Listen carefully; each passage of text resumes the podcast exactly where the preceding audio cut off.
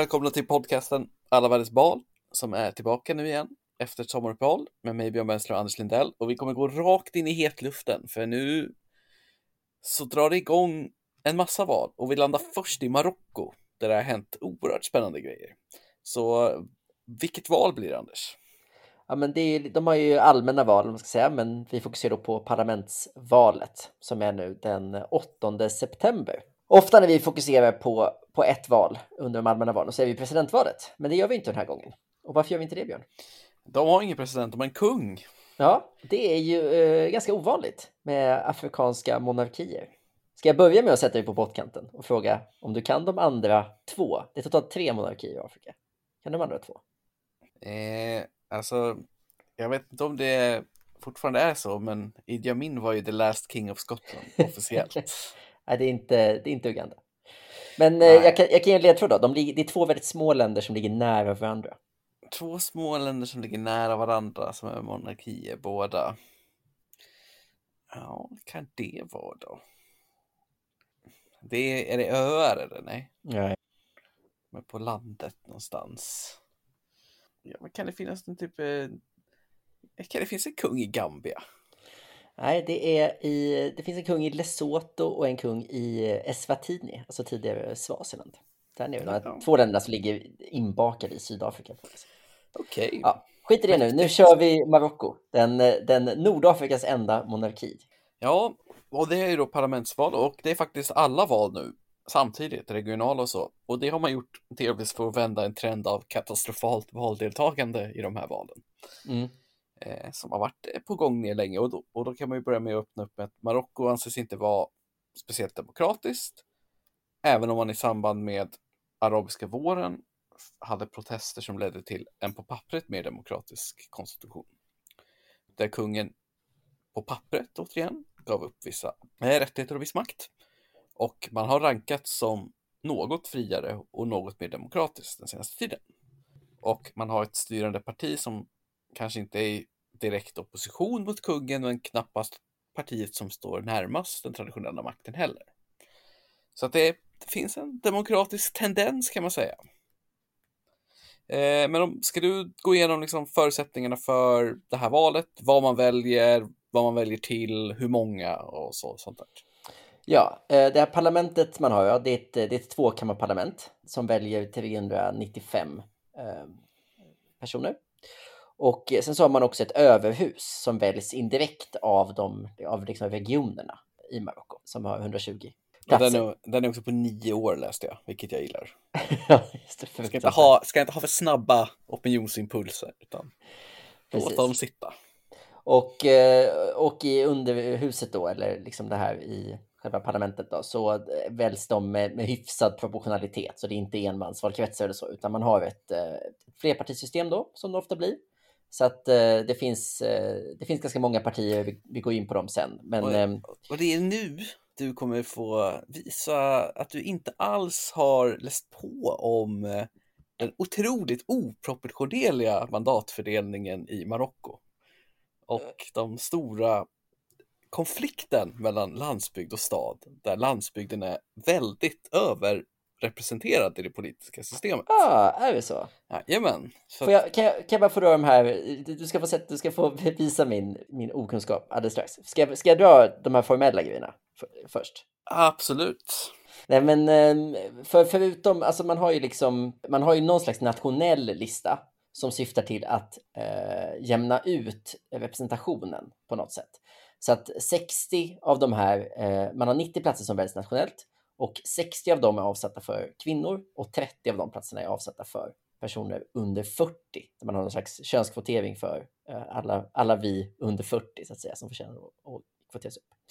Så att, eh, så att man har liksom en, det är en lite speciell lösning får man ju, får man ju säga, att det, liksom är, ehm, att det är det man använder nationella listan till. Men inte helt liksom, unheard of att, att det är så man gör, men ändå lite, lite speciellt. Jag tycker alltid att det är intressant med de här parlamentariska kvoteringssystemen. Ja, liksom. och då kommer, alla väldigt lite olika. Då kommer du älska det som har hänt inför det här valet. Ja. Men om vi börjar så här. Den bästa taken på 2016s marockanska val som jag läste var från mm. Bernabe Lopez Garcia, en emeritusprofessor för arabisk och islamstudier vid Madrids universitet. Är en Sören Holmberg-typ fast som har fokat på Marocko. Underbart. Och han visade då i en ganska påtaglig undersökning här att landsbygdsparti, landsbygden är traditionellt mer allierad med eh, kungen och den politiska makten. Mm. Och han visade då väldigt tydligt att för att vinna en representation eh, i en av de här fasta kretsarna så från landsbygden så krävdes det ofta mellan 46 och 77 000 invånare för att få ett mandat. Medan städerna är ofta mellan 128 000 och 147 000. Mhm, mm. Så proportionerligt till befolkningen så skickar landsbygden väldigt många fler eh, ledamöter. Och det ser man på valresultatet från sist, där det styrande partiet PJD på 28 procent fick 125 platser och PAM, som är landsbygdspartiet, på 21 procent fick 102 platser. Mm. Så det skiljer sig nästan bara 20 trots att det är 8 procent i röstskillnad, eller 7. Och det här har då att göra med de traditionella politiska motsättningarna mellan en urban rörelse och en lantlig och de här arabiska våren-protesterna 2011 var ju drivna i Rabat och Casablanca, de stora kuststäderna, där det liksom finns en annan politisk, eh, vad ska man säga, inriktning. Och det här är en Mm. tydlig politisk splittring och det är så partiet som har, är störst nu, de är starka i storstäderna, PJD. Och det, så kan man ju inte ha det. Så det har skett en elektoral reform i Marocko framför det här valet som går emot det största partiets intressen. Mm. Och, då, om, och då kan jag, så här, Anders kan du få ett omöjligt quiz här, för om du skulle designa ett system men du ville missgynna den som var störst och du kunde ändra bara, och du bara skulle ändra en grej, vad hade det varit? Hmm.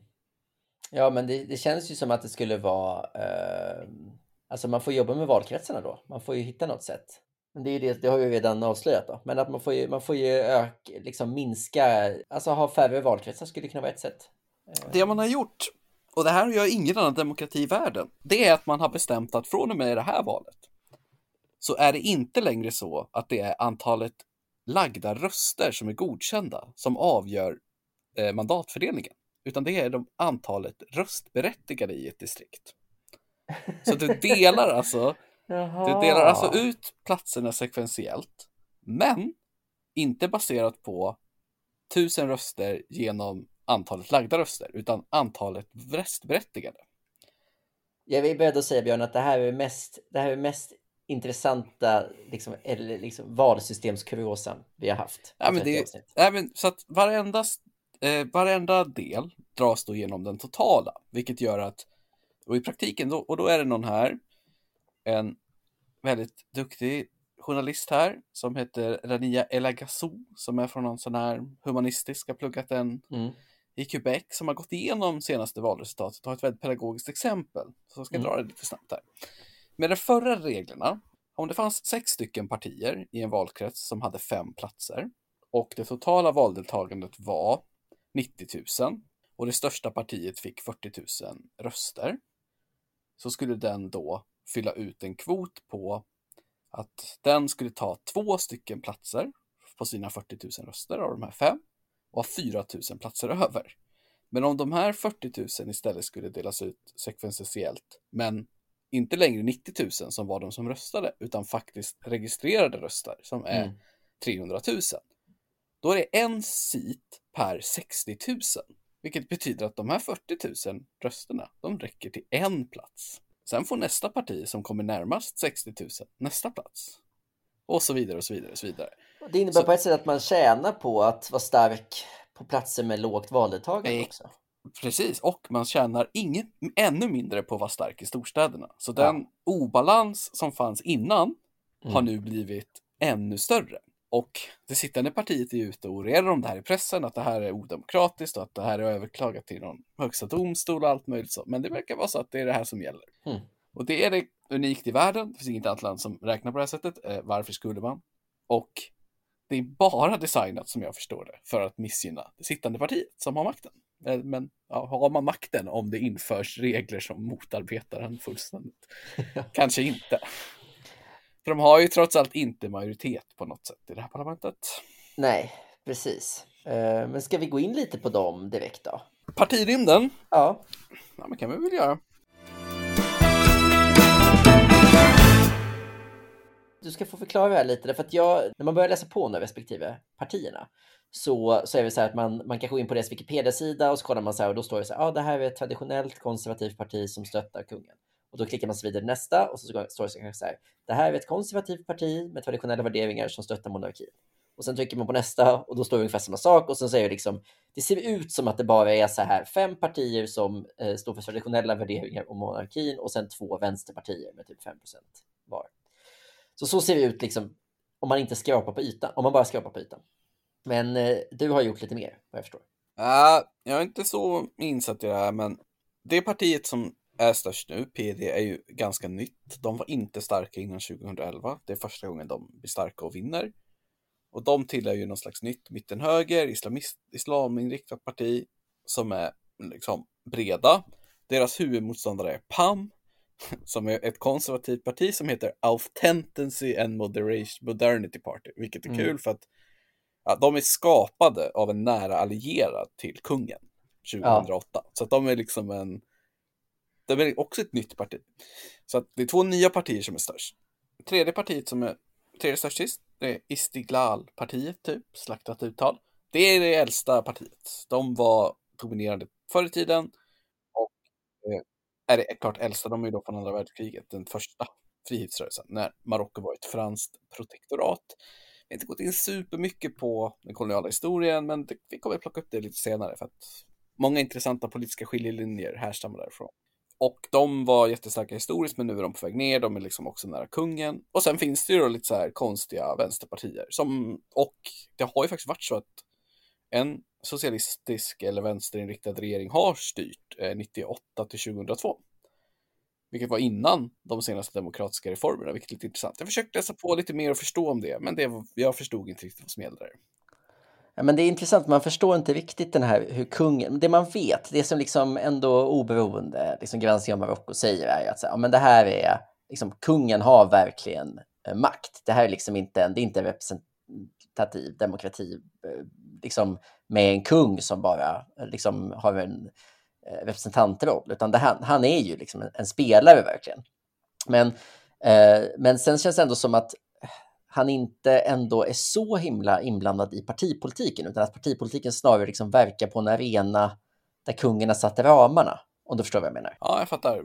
Det som jag tycker nu med den här konstitutionen från 2011, den ser ju på pappret ganska demokratisk ut. Kungen har ju gett över makt. Mm. Men det verkar fortfarande som att kungen har väldigt mycket inflytande över säkerhetsapparaten och läser man någon journalistisk artikel så känns det som att kungen har starka män på plats i många parlament och att sittande regering kanske inte riktigt har utmanat den makten. Så att jag ska säga att av alla länder som, många länder som man läser på så har det varit väldigt svårt att förstå hur den auktoritära eller hur den delen utövar sin makt och mm. vad som ger den makt. Och varför valen då skulle vara viktiga. För på pappret så är det ju ganska ett, en, en hel del som röstar, två, det är ju reell makt på pappret. Men den mm. verkar liksom inte omsättas i praktiken till folkstyr. Nej, precis. Uh, och en sak som hände 2011 som är lite speciellt är att kungen utser fortfarande premiärminister. Uh, och kan så här, jag tror han kan så här, kicka um, enskilda ministrar och sånt där också. Och han kan upplösa parlamentet och sånt där. Men när han utser premiärminister så tror jag att det finns en styrning nu att han måste utse premiärministern för, från det största partiet. Yes. Och sen, och sen får då mm. den personen köra på och liksom lösa en regering under, liksom med de förutsättningarna som finns. Men det är liksom inte den här lösningen uh, att, att man liksom på något sätt har en process först i parlamentet som sen går tillbaka till kungen som sen föreslår. Det är ju ganska vanligt, liksom. eller, eller presidenten eller talmannen eller vem man då har som, är, som sköter det. Ja, och det är säkert därför man gjorde den här ändringen i valsystemet också. Precis, för att de inte ska bli första parti längre, här ja. PID. Men eh, vad heter det, och man kan väl bara nämna då att premiärministern nu sedan 2017 är Sadedin Otmani som är en, eh, en veteran inom det här PID-partiet, haft lite andra ministerposter Eh, och sånt där. Och som väl hoppas på en, eh, en andra mandatperiod. Han har suttit sen, sen senaste valet då, helt enkelt. Ja, men vad har vi några heta frågor då som har satt agendan här? Jag menar om man bortser från den här. Det finns ju så här, min bild av att meta politiska konflikten är land och stad och sen finns det den koloniala arvet som är att när Frankrike var ett protektorat över eh, Marocko så politiserade man dels berber och arabpopulationerna på så Mm, sätt att de fick olika skolor, olika rättsväsenden och liksom skapade en större spänning mellan dem. Det är så Och sen- kolonial härska och sönd- söndra och härska. Ja, precis. Och, och den distinktionen finns kvar idag där det är liksom två ganska olika typer av folkgrupper och samhällen som har olika intressen. Lever i olika delar av landet delvis och sådär. Och sen politiserade man islam på olika sätt och liksom använde det så. Islam är väldigt politiserat i Marocko. Och de här två grejerna lever kvar kombinerat med den här stad mot land. Så det är liksom typ det politiska spelfältet, så här metakonflikterna kan man säga. Mm. Men sen har ju också Marocko ett problematiskt utrikespolitiskt läge tack vare en, en fråga som du kan mycket om. Ja, för apropå det här med liksom eh, det koloniala arvet så har ju Marocko en otroligt intressant kolonial historia på så vis att man, alltså man, man slutade ju vara en, eh, man blev ju självständigt från Frankrike 19, 1956. 1956, precis. Samtidigt så var ju Spanien också uppe i, i norra Afrika och hade en del kolonier. De har ju faktiskt fortfarande en del enklaver där uppe. Vet du Eh. varför Spanien hade den där lilla remsan hela kustvägen i norr? Nej. Det är för att Marocko koloniserade sent och det delades i en spansk och en fransk del. Då kan man tro att det var två lika stora kakor, men det var det inte, utan Spanien hade hela norra Marockos kustremsa, en svag liten remsa, Ja, och sen hade de södra delen. Och 95 procent av det som är Marocko idag är franska. ja, Och det är för att Storbritanniens viktigaste sjöväg var via Gibraltarsund och till Suezkanalen. Och då ville de inte att Frankrike skulle ha en koloni Ah, precis okej. vid Gibraltar. Och därför blev den storpolitiska acceptabla lösningen en liten spansk koloni där. Som en liten buffert mellan Exakt. Frankrike och Storbritannien. Ja. ja, det som eh, Spanien hade ju ett, eh, ett väldigt eh, stökigt eh, liksom 70-tal med liksom upplösningen av, av diktaturen och sådär. Och i det liksom när, när, när Spanien, de släppte liksom vissa områden till, tillbaks till, till Marocko, säga. Och sen lämnade de också sin stora koloni eh, väster om Marocko som då hette Spanska Sahara och som blev liksom, eh, fick sitt nya namn Västsahara. Men när man släppte det så på något sätt dealade man lite med, med Marocko och liksom ungefär samtidigt som Spanien gick ur Västsahara så gick Marocko in. Och blev då liksom, liksom nå- 20 år efter att man hade slutat vara en koloni själva så blev man då den första kolonialmakten, liksom ett afrikanskt land över ett annat. Och eh, fortfarande så är det ju så att, att eh, Marocko ockuperar Västsahara och på, alltså under väldigt, det är ju av liksom naturresursskäl. Liksom. Man pumpar ut det, det finns jättemycket mineraler och sånt. Eh, och mycket fiskevatten och sånt som spelar stor roll. Västsahara är ju jävligt stort ska sägas då. Ja, exakt. Marocko hade, alltså det är ju som, alltså det är väl två tredjedelar eller någonting av, av Marockos yta. Och är ju absolut inte ett fungerande samhälle idag, Västsahara. Så att det är ju liksom folk, eh, hela, alltså Västsahara som, alltså den stat, eller man ska säga, som finns, den styrs ju från liksom flyktingläger i, i Algeriet. Liksom. Så att det är ju en väldigt, väldigt våldsam ockupation, får man ju säga på så vis. Och, och den liksom eh, vapenvila som har funnits fram, som hade funnits ett tag, bröts också nu för, för ett år sedan lite drygt. Så att det är ju en konflikt som absolut inte heller är liksom på väg att lösas. Och den har ju aktualiserats nu med att världens kanske starkaste strategiska hjärna har involverat sig. Vem är det? Ja, men Donald Trump gjorde ju en deal med Marocko. Marocko erkänner Israel Ja, och en. Donald Trump-administration hade erkänt Västsahara som en del av Marocko. Nu vet jag inte om det har hänt eftersom Donald Trump eh, förlorade ett riggat val i USA. Så lite otydligt är det. Men Donald Jo, men Trump, de har, hade de har lovat. normaliserat. Det är absolut hänt på så vis att de har fått en bättre relation till... ehm, ja men som jag förstår så har han lovat att erkänna Västsahara som en del av Marocko. Mot Ah, okej. Marocko och Israel. Just det, det kanske inte... liksom. Och Sverige har erkänt, Sverige har ett riksdagsbeslut, det är alltid lite ludd med riksdagsbeslut om den här typen av saker, men Sveriges riksdagsbeslut på att erkänna Västsahara som självständigt, eh, men har, har liksom inte gjort det, men det säger någonting om hur, pass, hur frågan är liksom hyfsad. Ja, Och, och den är i alla internationella organ en väldigt okomplicerad fråga. Det här är inte så här, ja, två olika länder som gör anspråk på samma område, här, utan den är liksom alla utslag i alla processer har varit att säga, ja men det här, det här är en ockupation som borde bara upphöra. Men det man kan säga också, apropå det, att de, liksom, det största flyktinglägret där liksom västsaharierna bor ligger i Algeriet. Så, och eh, jag tror inte att det är det enda, men Marocko har liksom, Marocko och Algeriet har inte en toppenrelation traditionellt sett. Vilket typ har varit lite jobbigt för Frankrike, för de försöker hålla liksom, de har väl inte heller en toppenrelation till Algeriet? Nej, och inte till kanske, och de, de försöker ju liksom hålla, de stöttar ju Marocko väldigt, väldigt mycket liksom i, i alla sådana här processer och har ju blockerat saker mot dem i, i säkerhetsrådet och sånt där. Men nu blir det ju ännu krångligare av att eh, det är ju, har ju varit lite nyheter om det, att det är stora bränder i Algeriet just nu. Och eh, Algeriet har anklagat Marocko för att på något sätt ha stöttat man menar att det är anlagda bränder från typ oppositionella Algeriet och att det är Marocko som har eh, stöttat dem. Det låter ju eh, som det, bullshit alltså. Och det har liksom detta har blåst upp som en jättestor fråga just nu, där liksom eh, flera olika länder försöker lägga sig och medla och nu har Algeriet avbrutit liksom relationen eller de diplomatiska förbindelserna med Marocko och sådär. Så att det är, man har inte en särskilt harmonisk relation till sin det här låter ju dock som inrikespolitik snarare än utrikespolitik från Algeriet. Så.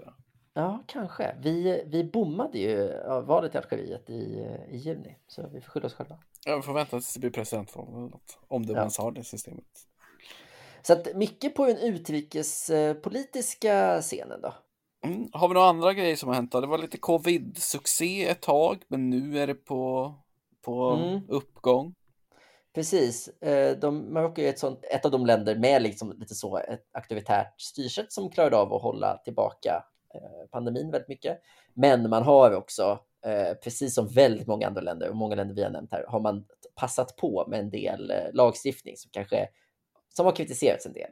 Till exempel så tog man 2020 en lag mot som handlar om att man ska kunna liksom, ja, men förbjuda och ta ner sånt som folk har postat på, på nätet som, som handlar då mot desinformation, men som liksom ska ha använts lite, ganska frikostigt. Liksom. Eh, men, som, men som togs då med, med pandemin som, som skäl. Eh, på samma sätt som man också nu förbjudit flygblad i valkampanjen, också för att de, de skulle bära smitta då. Eh, och det finns väl en, en kritik då från, från parti, en del av partierna att det inte riktigt känns eh, som att, man, som att det bara var av pandemiskäl som det beslutet togs. Nej, och sen har det varit en så här mer speciell situation har det anteckningar om de spanska enklaverna som Marocko officiellt tycker är Marocko Ja, men det har varit lite diskussion om det just med liksom flykting, eh, alltså, alltså att det har varit en, en väg för folk liksom att fly från Marocko, eller ska säga. Att ta sig till Europa genom att ta sig in i de spanska enklaverna. Så det har ju varit, det har vi pratats, varit en del nyheter om. Jag vet inte hur stort det är i den internpolitiska debatten. Eh, men det jag däremot såg var att det finns liksom någon liten spänning mellan Marocko och eh, Spanien i hur man ska göra med de som bor i de enklaverna, men som är eh, liksom marockaner men, men som ju då bor i, i Spanien formellt sett. Eh, och där finns det liksom, finns massa, liksom, eh, det har liksom varit ett inrikespolitisk grej i Spanien att man inte vill typ ge de barnen som bor där skolgång till exempel, trots att, att de bor ju faktiskt i Spanien. Eh, så att det där har varit också en liten eh, en debatt som har blossat upp.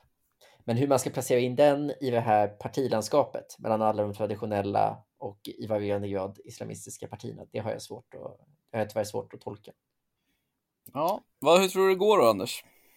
Ja, det vore ju det vore intressant om man fortsätter se liksom den här, alltså eh, att det å ena sidan fanns en stor tillströmning till eh, för man ska säga det som vi inte nämnde när vi pratade om partierna var ju att det var ju bara två partier som ökade förra valet och det var ju då ettan och tvåan, alltså styrande PJD och de här PAM då, det här, det här eventuellt då radiostyrda partiet från, från hovet. Och de har ju liksom, de två har ökat väldigt mycket och det, det, det tänker jag kan vara en trend som fortsätter. Liksom. Att hela oppositionen, eller man ska säga, som då styr landet, men som opposition mot kungen, eh, att den fortsätter samlas i PID och får säkert fler röster och sen vad det innebär. Nej, den borde få färre, kommer få färre mandat, ministern. Ja, jag tror att det blir... Mandat. Jag tror det blir många mandat till och med PAM och sen kanske vet de till och med få bilda regering och så kommer det bli liksom demonstrationer mot det här. För att det här är upplagt för att bli en krutduk. Just det. För att ja på pappret så är det här alltså en otrolig power grab liksom. Eller så här, alltså.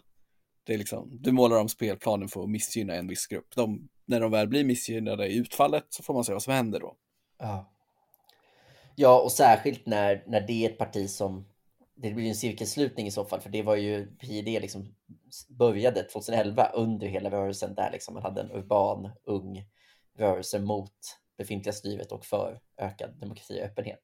Så man kan ju tänka sig att det kan hända igen då, just av det skälet. Liksom. Det blir intressant att se när vi har våran roundup om det här om ett tag. Ja, verkligen.